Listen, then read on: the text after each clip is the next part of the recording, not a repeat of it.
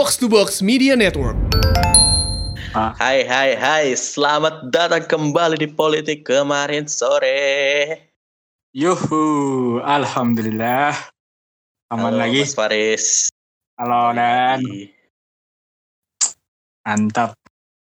Giliran gua dateng, lu doang yang Iya. ada. Iya. Alvin Soalnya kalau gua nggak ada juga nggak ada rekaman, Riz. agak ngerti Nggak ya ada. ini. Iya. Manggil Craig ya. Nggak ada yang ngerti manggil Craig, nggak ada yang mau ngedit. Emang. Emang. Emang ah, tidak ada apa namanya? pelatihan gitu, upskilling. Bacot doang emang bisa aja. sedih juga gue ditanyain di Instagram banyak yang Hmm. nge-DM tapi udah 2-3 minggu lalu gitu Riz dan gue baru buka sekarang Ave ke mana Ave? Eh Satu BTW ini kita semoga. sedang tidak reunian Mas Faris kita sedang didengarkan banyak orang mari kita langsung ke pembicaraan hari ini Eh, banyak yang Hmm. hangat-hangat sepertinya sepekan ke belakang Yoi. Wah Gila, panas bro. sekali.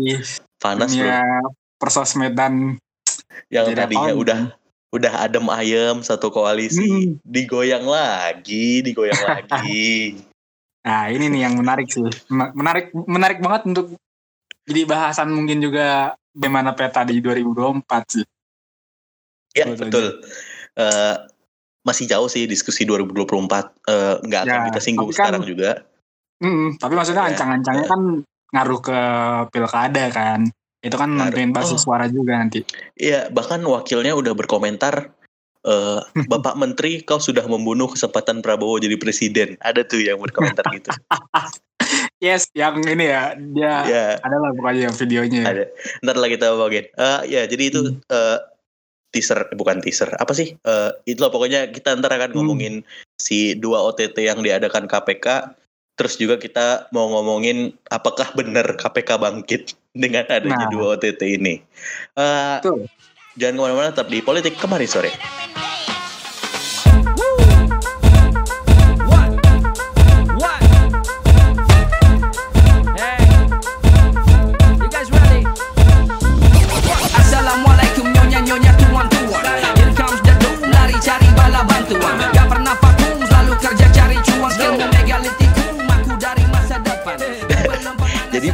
Udah di udah diteriakin anjing-anjing eh bukan anjing sih, kayak udah dikatain gitu lah, Riz.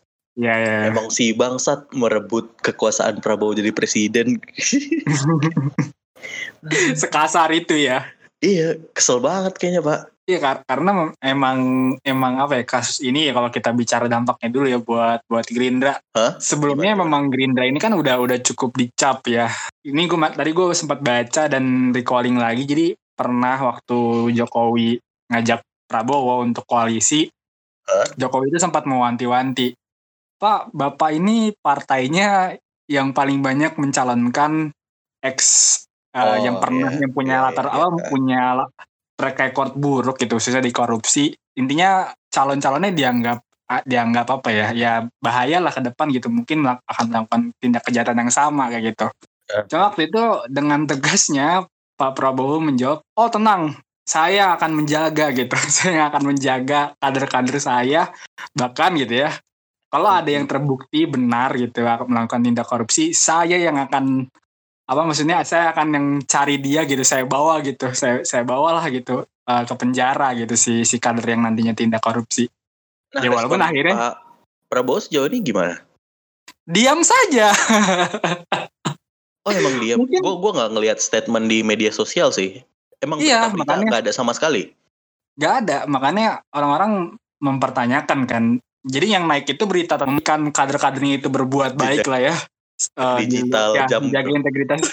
yes, of course itu dia makanya yang akhirnya ya makanya wajar Jokowi ngomong gitu mungkin ya. Iya. Kayak gitu karena dia udah kebanyakan ya Iya. harus memper apa harus menjaga orang-orang kader PDIP, kader-kader Golkar Iya kali ya sih. takut juga nambah lagi satu nih titipan Tapi emang- berat gitu. Emang Pak Edi ini nggak, bukan maksudnya bukan yang track recordnya bagus kan sebenarnya dari dari segi Wah. kebijakan ya. Ya emang emang banyak yang kontroversial kan sejak dia ditunjuk kan. Pertama tuh Selain- yang ini bukan sih dia udah nggak melanjutkan lagi kebijakan untuk penenggelaman apa penenggelaman kapal kan. Oh iya, Pertama kan dimulai dari itu. kapal-kapal pencuri ikan tuh udah sekarang kalau nggak salah di ini ya, di diambil ya kapalnya. Iya diambil karena dia bilang oh kapalnya masih bisa dipakai buat keperluan masyarakat. Sangat bijak sekali. itu kan. Terus juga abis itu dia menganulir kebijakan ini apa penggunaan cantrang ya eh cantrang gue lupa Cantrang tuh apa?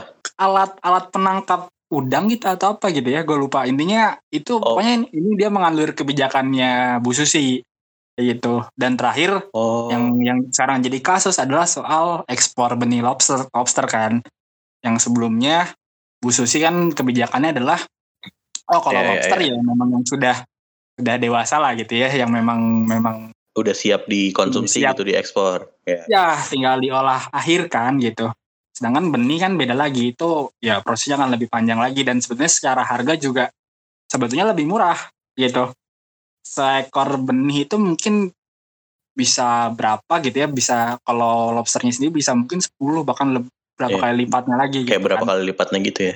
Tapi Iya. kan memang maksudnya argumennya menurut gua secara saintifik masuk akal sih. Mending dapat Ya. 2 juta sekarang daripada potensial 10 juta tapi yang lebih yang bisa dijual lebih dikit kan gitu. ya Tapi sih anaknya itu belum tentu hidup sampai ujung kan. Yang jadi Ya. masalah kan sebenarnya si jatah ekspornya kan, Riz. Kayak ya betul selama jadi, ada jadi kata masalah. jatah di situ pasti akan diperebutkan oleh siapa yang pengen ngekspor kan. Nah, yes betul tahu sendiri sistem lelang di Indonesia kayak gimana gitu.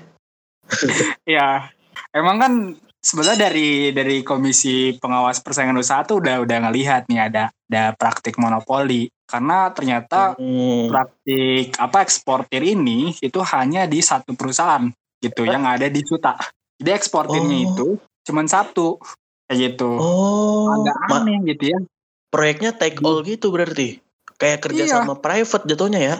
Ya di sini tercatat atas nama PT Aero itulah ACK disingkatnya. Ini tuh yang ini tuh yang komisarisnya si Mbak Sarah bukan sih? Nah ini nah, tahu gue kalau komisarisnya tapi memang dari daftar perusahaan eksportir ini memang ter- eh, terduganya itu adalah lingkarannya Pak Edi gitu termasuk Mbak Sarah gitu dan juga Pak Hasim gitu. Hasim adiknya. Wow. Iya Adiga Prabowo, eh, Pak Prabowo, gitu. dan juga Fahri Hamzah. Ada juga katanya namanya. Oh, pantas Makanya beliau kemarin diundang didukung ya. di Hmm, Oh, Kayak gitu. Usahanya Pak Fahri tuh ini. Ke sini Nggak kelihatan, tapi duitnya banyak. tuh bakal ke sini ya. iya. Nah, Oh. balik lagi memang yang ya bener yang membahayakan itu adalah sebenarnya praktik-praktik ininya sih Jatah ya? di ekspor ini yang yang hanya di satu perusahaan gitu Ah, maksudnya kan berarti semua terpusat ke sana orang nggak punya pilihan kan padahal Ya, sebetulnya ya, ya. yang diatur itu rencana ekspor itu bisa dari banyak bandara gitu bahkan sampai Iya.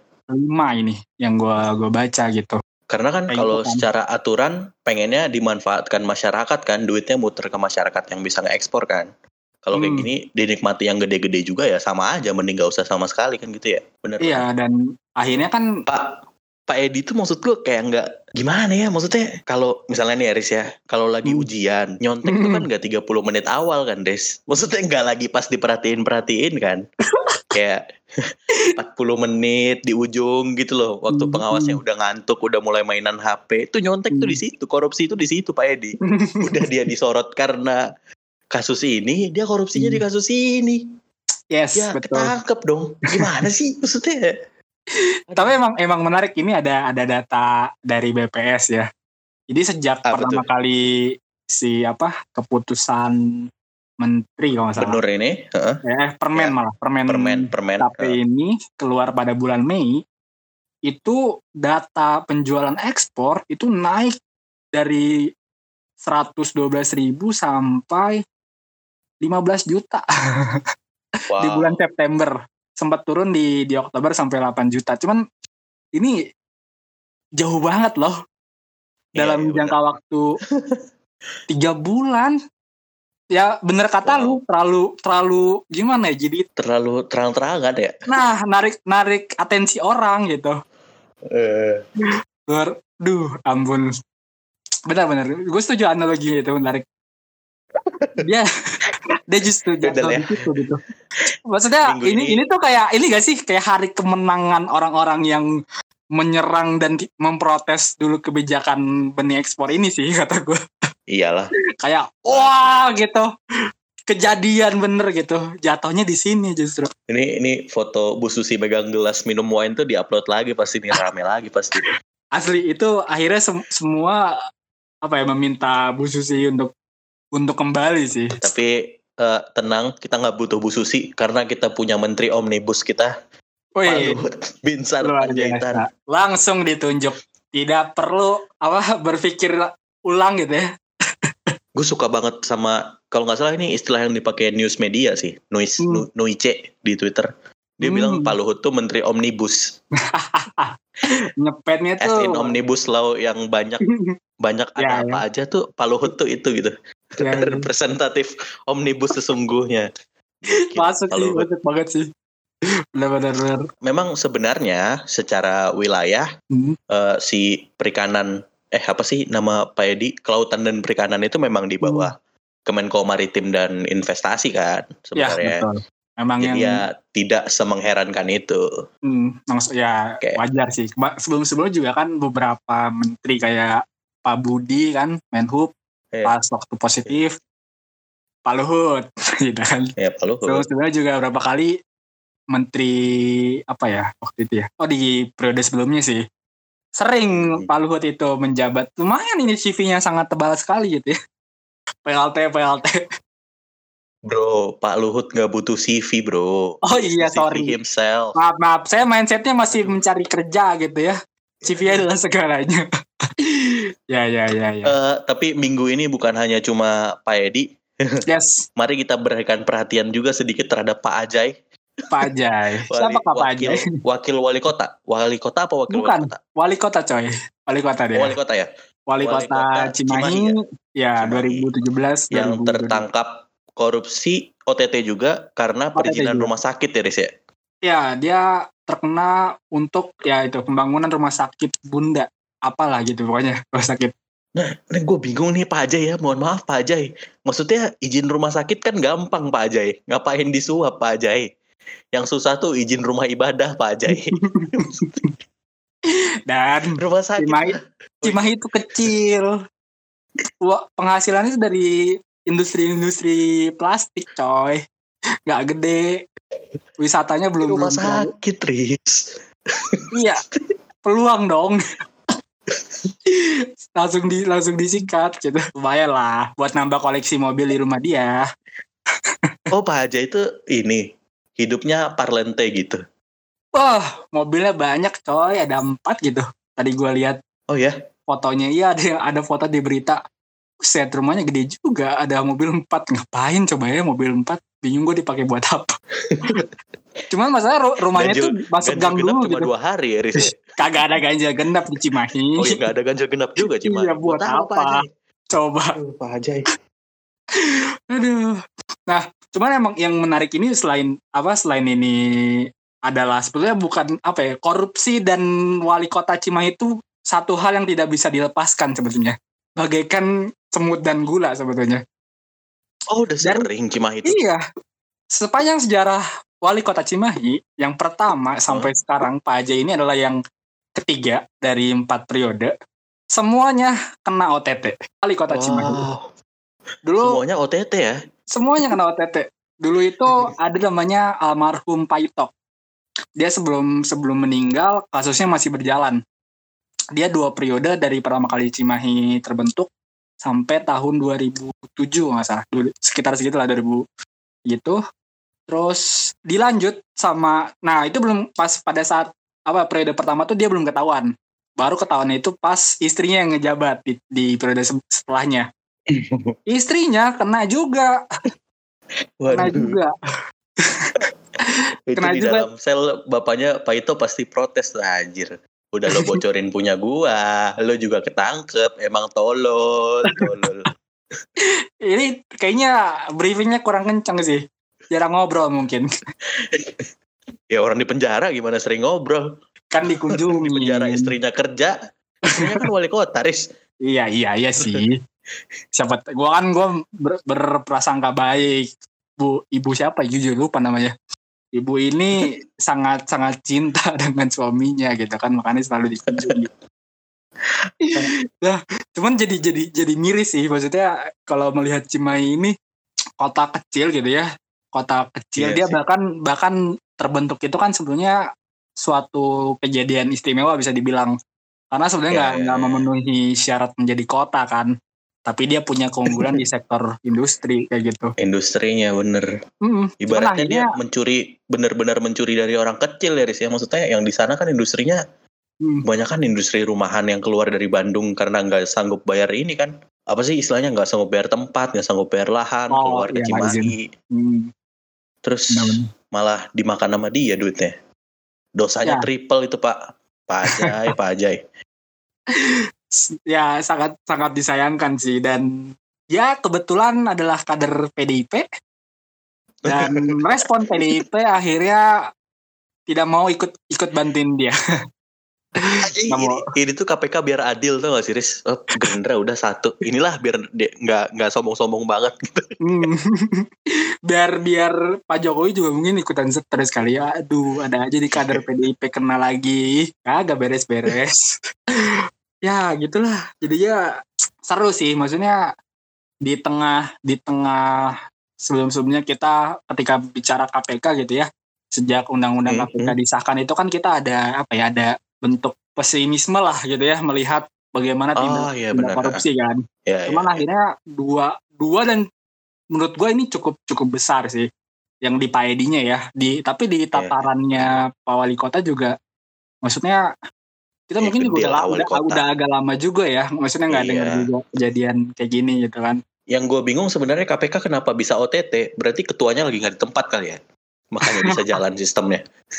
Gak coy, kalau Pak Pak Edi ternyata satgasnya ini dipimpin oleh yang Novel terhormat kan? Yo, Iya. eh, Novel Baswedan. Makanya di sini ada ada statement sih dari apa Transparansi Internasional Indonesia bilang ini emang timnya bagus gitu yang yang OTT ini dibanding dia ngebandingkan ini kasus sebelumnya kan ada kasus besar waktu itu Harun Masiku kalau lo masih inget Oh ya ya ya. Tahu, dia tahu. kan KPU, buron ya. kan setelah menyuap salah satu komisioner KPU Wahyu Setiawan kan sampai sehari ini Hmm. belum ketangkap dan timnya beda. Udah dari Januari nggak ketemu-temu. Sedangkan bisa dibilang kasusnya Pak Edi ini cukup cukup cepat sih, cukup cepat. Ya, Akhirnya lah. responnya disikatnya kan Dan- di bandara malah. Setelah Dan Pak Edi kan bukan orang yang bisa sembunyi, Riz. Dia menteri, Riz. ya, Dia gimana dia mau ngilang kayak Harun Masiku? cuman kalau Pak Edi ini lucu. Gue kemarin di Twitter ada ada yang ternyata tuh pada saat dia di Amerika Serikat nggak tahu tuh itu transaksi apa ya. Eh di Hawaii itu tuh Oh, ada yang iya, moto. yang dia- Ya lu lihat gak? Ada yang moto terus diupload di Instagram. Oh iya, gue nggak tahu tuh Iya. fotonya. Iya. Fotonya jadi kenapa? adalah salah satu jurnalis Tirto dia dia ngepost foto-foto Pak Edi dan timnya di Honolulu terus dia bilang coba tebak-tebakan ini lokasinya di di mana jangan sebut tempat ya koordinat aja dulu ya gampang karena ada ada keterangan si lu tau gak sih kalau lu nyewa fotografi tuh pasti dia suka nempelin di pojok kanan atau pojok kirinya nama-nama nama fotografer ya ya gampang Oh, dong iya, iya, di, iya, di iya, iya. sama anak-anak sekarang gitu Iya, ya iya. Iyalah. gitu. Tirto emang eh, eh, narasi belakangan emang open source-nya gokil banget ya. Hmm, Banyak sekali yang bisa mereka dapatkan dari modal internet. yes. Itu sih. Nah, Eh, tapi kalau gua balik ke pertanyaan, Riz, Hmm. emang bener KPK bangkit menurut lo? Atau ini tuh kayak ini aja kayak kayak tim bola kecil lagi lawan Liverpool gitu ya dapat satu serangan balik terus gol ya biasa gitu karena Liverpoolnya fokus nyerang gitu kalau menurut ya, lu gimana? Gua gua nggak tahu sih maksudnya kalau kalau bicara ya bisa jadi ini kebetulan aja sih maksudnya lagi lewat aja gitu ya karena maksudnya ini terlalu terlalu kosong sih kalau kita bandingkan dengan tahun-tahun sebelumnya gitu ya KPK track record OTT-nya. Ya benar benar benar. 2000 20 ini baru dua kali. Iya yeah, benar. Kayak gitu. Dua kali. Dibanding di tahun belas aja bisa tujuh kali. 2018 yeah, iya, lebih yeah, tinggi yeah. lagi sampai 13 kali. Wow. Ini ya kita nggak tahu bisa jadi ini satu harapan gitu ya. Tapi bisa jadi ya yeah. emang bisa jadi ini kayak ini ya, kayak diplot oh sebenarnya KPK baik-baik aja, menenangkan nah, masa gitu. Ya, bisa itu kan kita nggak tahu ya di belakang. Ya. Hmm ah masa sih kita nggak tahu Iya, iya itu sih strategi juga Eh. sih bener strategi media aja sih biar biar nama KPK-nya se- ya setelah sebelumnya isu undang-undang KPK naik ini dikelirin dulu terus dibagusin gitu ya. Jadi biar orang tuh masih ingat oh hari eh bulan ini kita ot- eh, KPK punya capaian bagus gitu. Mungkin ditahan sampai Iya. berapa bulan ke depan gitu ya baru ada lagi mungkin. Kita nggak tahu ya. ini tuh kayak ini tau kalau sekolah yang nggak punya prestasi jadi laman madingnya itu masih prestasi alumni dia udah 4-7 tahun lalu Riz. nah ini KPK ke depannya kayak gitu nih Iya, iya, iya. masih masih foto Pak Edi yang di bawah di mading tuh Iya jadi bahkan mungkin kayak jadi seremonial aja dan bisa jadi kan ah setahun sekali lah gitu. Se- sekali momen gitu. Entah entah dua kali Setahun. lagi kayak sekarang gitu ya. Iya, iya, kayak iya. di dikumpulin dulu gitu. Karena emang rapet banget. Ya. Aduh nggak tahu tadi tuh sampai mana tuh. Udah rekaman tapi keputus. Kayak omongan kita berbahaya ini. Eh, nggak tahu sih Riz. tadi sampai mana? Kita nggak tahu ini bakal nyambung apa enggak. Tapi tadi kayaknya kita udah Jos bangkit itu Hmm. simbol enggak sekarang kita lanjut. Ada lagi nggak Riz? Info yang ketinggalan? Ah tapi selain ada update logo ada update mengesalkan dari waduh. KI yang terpapar corona bos. Wow. Pak Riza Patria. Pak Riza Patria. Hmm. tapi sebetulnya bukan hanya dia dan. Wali kota saya yang luar biasa gitu ya jago nyiptain lagu itu Pak Idris juga positif COVID. Masalahnya setelah dilihat dia Hah? punya jejak sebelum-sebelumnya itu bertemu dengan Bapak HRS di Uh. Petamburan. Hmm, menarik ini. oh Which is Pak Riza juga ke sana. oh enggak Pak Riza tertularnya bukan dari situ sih katanya Oh, bukan dari situ. Tapi yang bisa jadi. Maaf. ya bisa jadi kena juga ya tapi nggak tahu Hmm, iya. Gimana nih Pak Riza ini belum baru berapa bulan, ternyata sudah absen lagi. Kasihan Pak Ani sendirian lagi. beban bos beban Aduh, beban lagi. Aduh, udah kalau jadi beban-beban tuh nggak bener dah. Aduh, atau jangan-jangan ini alasan ah enggak lah gue nggak mau nggak mau berandai-andai dengan kondisi seseorang ya Hmm, gue batalkan jokes gue gue minta maaf oke, dimaafin. Oke. wakil kota eh banyak calon wali kota atau gubernur yang kena kan padahal pemilu bentar lagi kan Hmm, kemarin gue baca ternyata sepanjang gelaran pilkada serentak 2020 ini dari sekitar 100 calon gitu ya, baik ketua eh, kepala dan wakilnya itu ada sekitar 70 yang positif COVID dan 4 ternyata meninggal dunia gitu. Cukup cukup miris gitu. Bah- bahkan ketua KPU-nya saja positif. ya ya ya Tidak paham lagi saya. maksudnya itu kalau diibaratkan kode udah kode yang paling serius kode yang Keras. paling besar sih kan tetap dijalankan Hmm. Eh, tapi ya nggak apa-apa lah ya dilanjutkan karena yang di- yang pemilihan yang ditunda-tunda hasilnya Pak Riza Patria juga Sudah lama menunggu, hasilnya juga kita perlu menunggu lebih lama sepertinya. udahlah mau lanjut lanjut bebas Kasihan Pak Riza ya udah semoga cepat sembuh. Pak Idris juga Pak semoga cepat sembuh.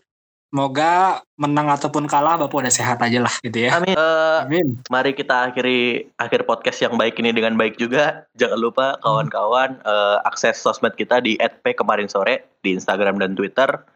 Eh, Hmm. Terus terima kasih yang udah reaching out ke kita dari DM nanyain kenapa nggak update-update lagi. Eh, jawabannya karena kita hmm, ya nggak bisa. Eh, gue tuh bingung Riz kayak mau bikin klarifikasi podcast nggak naik gitu karena yang nyariin nggak banyak Riz. Buat apa? buat tiga orang gitu buat apa bener? Iya lu udah buat klarifikasi yang lihat juga belum tentu banyak. Mending buat aja sekalian podcastnya. Iya bener. Hmm. Terima kasih yang sudah mendengarkan. Makasih Faris. Yoi, thank you Dan. Semoga lengkap ke depannya. Kita bisa. Amin. Eh, Iya. ini menyenangkan sih podcast hari ini karena yang minggu lalu gue sama Ave nggak ada ketawanya Riz. Ya, Ave nih udah nikah masih serius hidupnya. Wah, wah, San, Maaf, maaf, maaf. wah menarik sih. Apakah setelah menikah orang makan makin lucu atau makin serius? Wah, Hmm, Satu kajian studi. di pod- podcast ini ntar tungguin aja di podcast Faris. Sampai jumpa Yoi. episode politik kemarin sore selanjutnya. Yoi, see you.